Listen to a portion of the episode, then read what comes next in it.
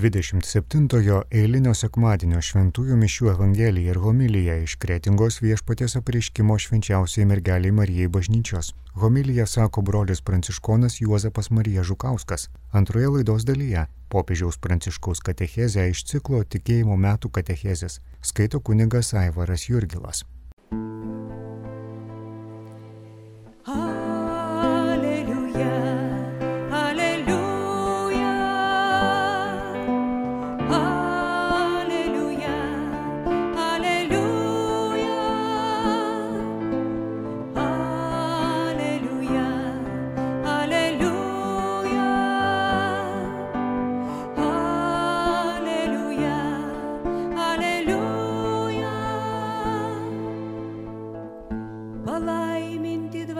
laimingieji vargdieniai, jų yra dangaus karalystė.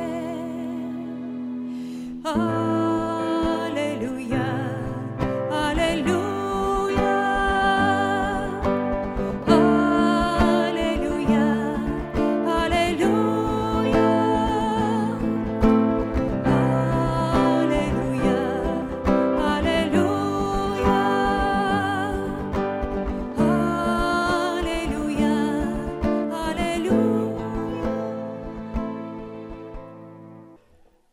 Viešpats su jumis. Pasiklausykite Šventojios Evangelijos pagal Morkų. Anu metu Jėzui besiruošiant iškeliauti, vienas žmogus pribėgęs puolė prieš jį ant kelių ir klausė, gerasis mokytojau, ką turiu daryti, kad laimėčiau amžiną į gyvenimą. Jėzus tarė, kam vadini mane geru? Niekas nėra geras, tik vienas Dievas. Žinai įsakymus. Nežudyk, nesvetimauk, nevok, neteisingai neliūdik, neapgaudinėk, gerbk savo tėvą ir motiną. Tas atsakė, mokytojau, aš viso to laikausi nuo pat jaunystės. Jėzus meiliai pažvelgė į jį ir pasakė, vieno dalyko tau trūksta, eik parduok visą, ką turi, išdalyk vargšams, tai turėsi lobį danguje. Tuomet ateik ir sek paskui mane. Po šitų žodžių tasai apniuko ir nusiminęs pasitraukė, nes turėjo daug turto. Jėzus apsidairė ir prabilo į mokinius kaip sunku turtingiems įeiti į Dievo karalystę. Mokiniai buvo nustebinti jo žodžių. Tada Jėzus vėl jiems tarė, vaikeliai, kaip sunku patekti į Dievo karalystę. Lengviau kupranugariu išlysti pro adatos ausį, negu turtuoliui įeiti į Dievo karalystę. Mokiniai dar labiau nustebo ir kalbėjosi, kas tada galės įsigelbėti? Jėzus pažvelgė juos ir tarė, tai neįmanoma žmonėms, bet ne Dievui. Dievui viskas įmanoma. Tada Petras sakė jam, štai mes viską palikome ir sekėme paskui tave. Jėzus tarė, iš tiesų sakau jums, nėra ne vieno, kuris dėl manęs ir dėl Evangelijos paliktų namus ar brolius, ar seseris, ar motiną, ar tėvą, ar vaikus, ar laukus ir kuris jau dabar šiuo metu negautų šimteriopai namų, brolių, seserų, motinų, vaikų ir laukų kartu su persekiojimais ir busimaime pasaulyje amžinojo gyvenimo. Ir dėjote viešpaties žodį. Taigi gerieji žmonės šiandien Evangelija mums pateikia net tris tokias temas pamastymui, kurios yra gana glaudžiai susiję. Visų pirma, vienas žmogus pribėgęs prie Jėzaus puolant kelių ir užduoda labai svarbų klausimą, kurį ir mes turėtume karts nuo karto savo iškelti. Mokytojau, ką turiu daryti, kad laimėčiau amžiną į gyvenimą? Vėliau išgirsime pasakojimą apie turtuolį. Turtuolį, kuris su vargu įeina į Dievo karalystę. Ir galiausiai išgirsime apaštalų klausimą, o koksgi bus jų atlygis. Matome, kad žmogus pribėgęs prie Jėzaus tikriausiai yra geras, nes paklaustas Jėzaus, ar laikosi Dievo įsakymų, atsako taip, aš laikausi to nuo pat savo jaunystės. Bet atrodo, dar kažko trūksta. Ir galėtume savęs klausti, o kogi daugiau reikia, jeigu jau žmogus sugeba laikytis visų Dievo įsakymų, duok Dieve, kad mes taip sugebėtume, kogi dar reikia, kad galėtum įžengti Dievo karalystę. Ir čia galbūt netkreipiame dėmesio į vieną nedidelę detalę, kurią Jėzus iš karto pastebi ir pagal tai duoda atsakymą žmogui. Žmogus prieėjęs prie Jėzaus klausia, ką aš turiu daryti. Aš. Ir kad aš laimėčiau amžinai gyvenimą. Vėl aš. Ir kada pasaulis sukasi tik apie tave, tuomet iš ties yra sunku pastebėti kitą žmogų iš ties sunku pastebėti, kaip tavo gyvenimas paliečia kitus žmonės. Ir tai galbūt mums yra natūralu, bet Jėzus kviečia mus atverti akis ir pažvelgti, kas vyksta aplinkui. Galbūt mes ir patys nesusimastome kartais, pavyzdžiui, savo išpažintyse, kada visą laiką sakome, ką aš padariau. Ir tas teisinga, nes aš kažkuo nusidėjau, aš kažką netai padariau.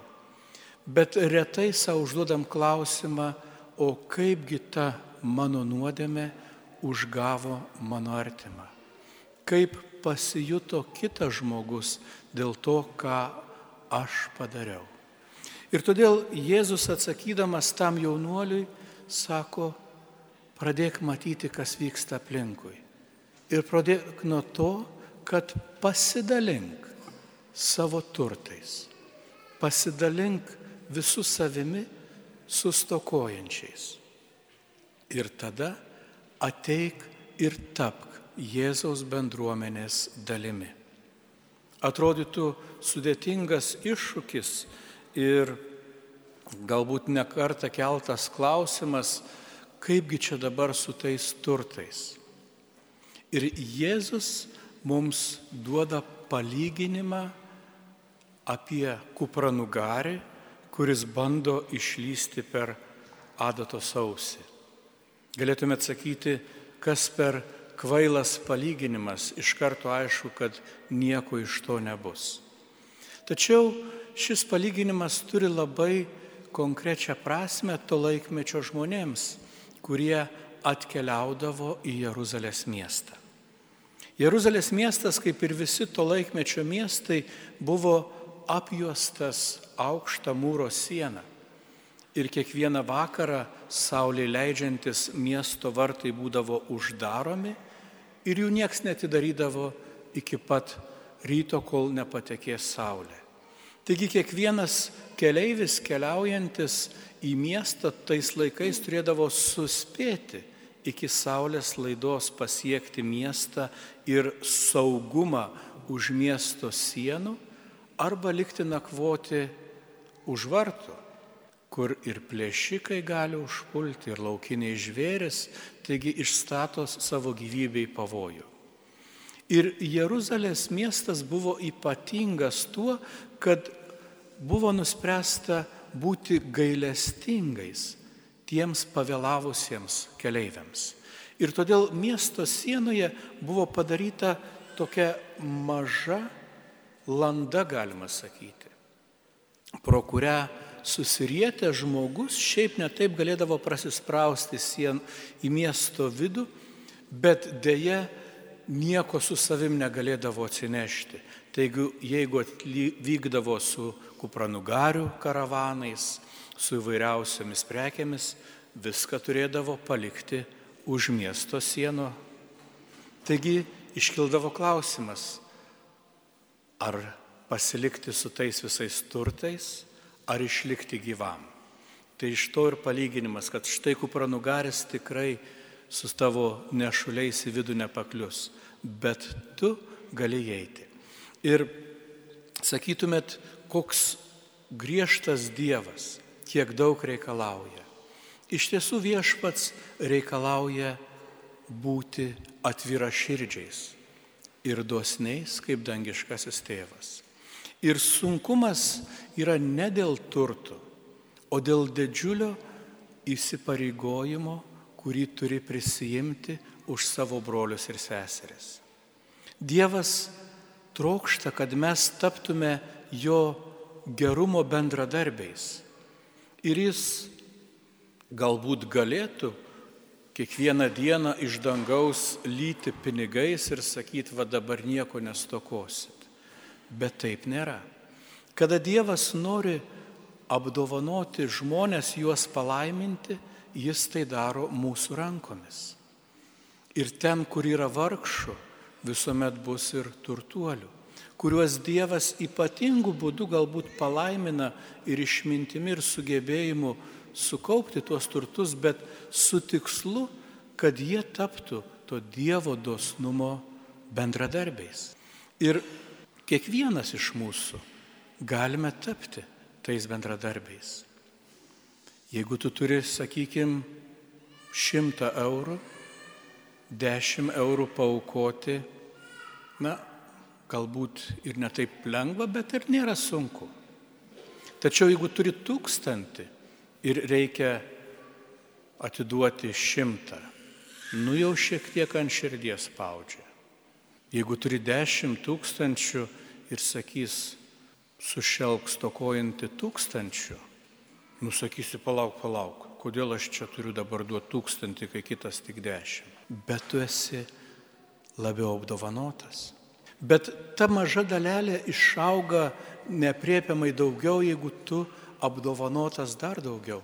Ir jeigu tu turi milijoną, su dešimt tūkstančių neatsipirksi. Esi prašomas atiduoti bent pusę nes to kito pusės milijono tikrai tau užteks pragyvenimui. O jeigu apdovanotas 20 milijonų, tai 15 tikrai turėtų duoti. Ir matote, kaip darosi vis sunkiau ir sunkiau. Kuo daugiau turi, tuo sunkiau. Ir todėl Jėzus sako, kartais lengviau kupranugariui išlysti per adato sausį negu turtuoliui atverti savo širdį. Nes turi suprasti, kad esi gausiai apdovanotas tam, kad taptum Dievo dosnumo dalininku. Nes viešpats trokšta, kad tu patirtum tą džiaugsmą, kada gali dalintis, gali pagelbėti stokojančiam ir skleisti meilę. Ir čia paštalai irgi tą pamoką sunkiai prisiema ir jie sako, o tai koks bus mūsų užmokestis, kurie viską palikome, tam, kad galėtume sekti tave. Ir Jėzus jų klausė, argi nematote, jau dabar turite šimtus brolių ir sesių. Jau dabar turite daugybę namų, į kuriuos galite užeiti ir būsite priimti.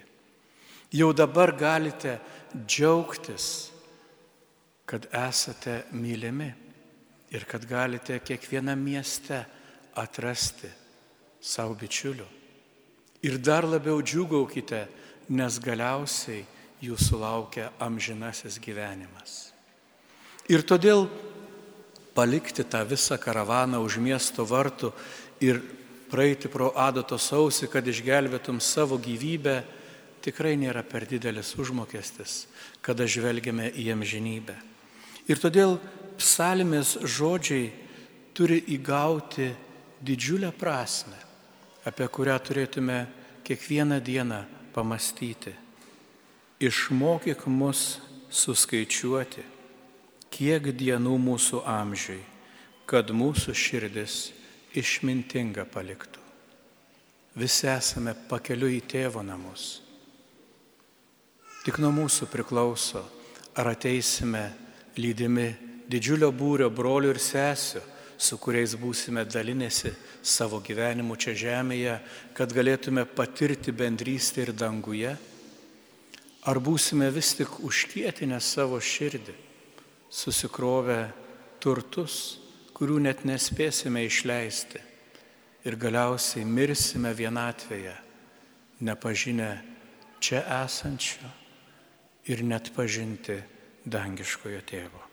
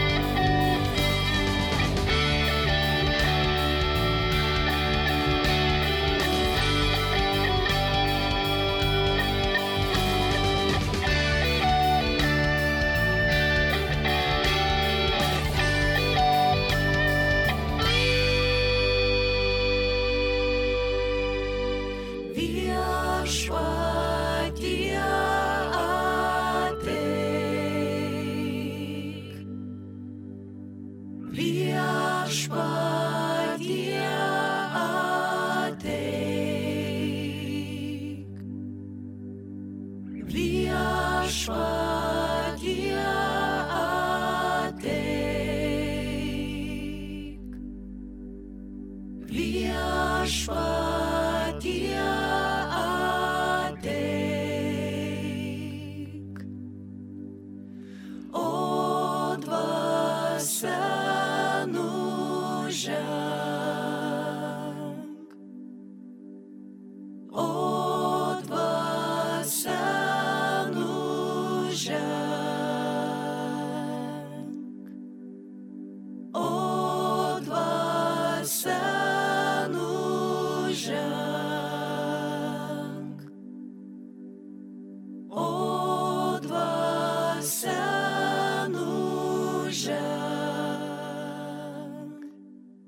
popiežius Pranciškus, bendrosios audiencijos katechezė, esame Dievo vaikai, ką prisikėlimas reiškia mūsų gyvenimui. 2013 metai balandžio 10 diena. Praeitoje katechezėje apmastėme Jėzaus prisikėlimo įvykį, kuriame ypatingas vaidmuo teko moteriams. Šiandien norėčiau sutelkti dėmesį į šio įvykio išganomąją reikšmę. Ką reiškia prisikėlimas mūsų gyvenimui? Kodėl be jo mūsų tikėjimas yra tuščias? Mūsų tikėjimas grindžiamas Kristaus mirtimi ir prisikėlimu, panašiai kaip namas stovi ant pamatų. Jei pamatai net laiko, visas namas sugriūva. Ant kryžiaus Jėzus paukojo pats save prisimdamas mūsų nuodėmes ir nužengdamas į mirties bedugnę, o prisikelimu jis jas įveikia, atleidžia mums ir atveria kelią atgimti naujam gyvenimui. Šventasis Petras tai glaustai išreiškia savo pirmojo laiško pradžioje. Jo fragmentą girdėjome. Šlovė Dievui, mūsų viešpatės Jėzaus Kristaus tėvui, kuris iš savo didžio gailestingumo Jėzaus Kristaus prisikėlimu iš numirusių yra atgimdęs mus gyvai vilčiai ir nenykstančiam, nesuteptam, nevystančiam palikimui, kuris skirtas jums danguje. Pirmas Petro laiškas, pirmas skyrius, trečia, ketvirta eilutės. Apaštalas mums sako, kad sikiu su Jėzaus prisikėlimu įvyksta kažkas visiškai naujo esame išvaduoti iš nuodėmės vergyjos ir tampame Dievo vaikais. Taigi esame atgimdomi naujam gyvenimui. Kada tai įvyksta mums? Per Krikšto sakramentą. Senaisiais laikais paprastai būdavo krikštyjama panardinant. Krikštyjamasis, nusivilkęs drabužius, nužengdavo baptisterijoje į baseiną, o vyskupas ar kunigas tris kartus užliedavo vandens ant galvos, krikštydamas tėvo, sunaus ir šventosios dvasios vardu. Pakrikštytasis išeidavo iš baseino ir apsirengdavo naujų baltų drabužių. Taip jis atgimdavo naujam gyvenimui, pasinerdamas Kristaus mirtyje ir prisikėlime, tapdavo Dievo vaiku. Šventasis Paulius laiške romiečiams rašo, jūs gavote į vaikystės dvasę, kurioje šaukiama Aba tėve. Būtent per krikštą gautoji dvasia mus moko ir ragina sakyti Dievui - tėve, veikiau Aba, tai reiškia tėti. Toks yra mūsų Dievas, jis yra mums tėtis. Šventoji dvasia įgyvendina mumise naują Dievo vaikų būklę. Tai didžiausia dovana, kurią gauname Velykinėme Jėzaus slėpinyje. Dievas laiko mus savo vaikais, supranta, mums atleidžia, mus apkabina, myli ir tuomet, kai suklystame. Jau Senajame testamente pranašas Izaijas sakė, kad netgi jei motina pamirštų savo vaiką, Dievas niekuomet mūsų nepamiršta, ne vienai akimirkai. Tai yra gražu. Vis dėlto tas sūniškas santykis su Dievu nėra panašus į lobį, saugojama mūsų gyvenimo kamputyje, bet privalo aukti, turi būti kasdien stiprinamas Dievo žodžių klausimu, malda, sakramentais, ypač atgaila ir Euharistija, taip pat artimo meilė. Galime gyventi kaip vaikai. Toks yra mūsų vertumas, vaikų orumas turime elgtis kaip tikri sūnus ir dukros. Tai reiškia kasdien leisti, kad Kristus mus keistų ir darytų panašius į save. Tai reiškia stengtis gyventi krikščioniškai, stengtis jį sekti, nors matome savo ribotumo ir silpnybės. Nuolat kyla pagunda atmesti Dievą į šalį ir centre pastatyti save pačius. O nuodėmės patirtis žaidžia mūsų krikščionišką įgyvenimą, mūsų buvimą Dievo vaikais. Todėl turime turėti tikėjimo drąsos ir nepasiduoti tokiam mentalitetui, kuris sako, Dievas nereikalingas, jis tau nėra svarbus ir taip toliau. Priešingai, tik eldamiesi kaip Dievo vaikai, nenusimindami dėl savo nupolimų, nuodėmių, jausimės Dievo mylimi, o mūsų gyvenimas bus atnaujintas, ramus ir džiaugsmingas. Dievas yra mūsų stiprybė. Dievas yra mūsų viltis. Brangus broliai seserys, mes pirmutiniai turime turėti tą nepalaužiamą viltį, būti jos regimų ženklų, aiškiu ir kupinu šviesos visiems. Prisikėlęs viešpas yra viltis, kuri niekuomet neapgauna ir nenuvilia. Viltis nenuvilia. Viešpaties viltis. Kiek kartų mūsų gyvenime viltis išsisklaido į nieką, kiek kartų širdie turimi lūkesčiai neįsipildo. Mūsų krikščionių turima viltis yra stipri, tikra, tvirta šioje žemėje, kurioje Dievas mus pašaukė keliauti. Ji atvira amžinybei, nes grindžiama Dievu, kuris visuomet ištikimas. Neturime apie tai pamiršti. Dievas yra visuomet ištikimas. Dievas visuomet ištikimas mums. Tas faktas, kad per krikštą prisikėlėme su Kristumi iš numirusiųjų su tikėjimo dovana, duodančia mums nenykstantį palikimą, te palenkia mus dar labiau ieškoti Dievo dalykų, daugiau galvoti apie Dievą, daugiau melstis. Buvimas krikščionimis nėra vien tik įsakymų vykdymas, tai reiškia būti Kristuje, mąstyti kaip Jis, veikti kaip Jis, mylėti kaip Jis.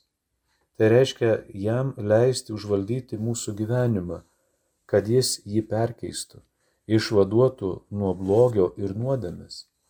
Brangus broliai seserys, klausiantiems apie mumise gyvenančią viltį, parodykime prisikėlusi Kristų.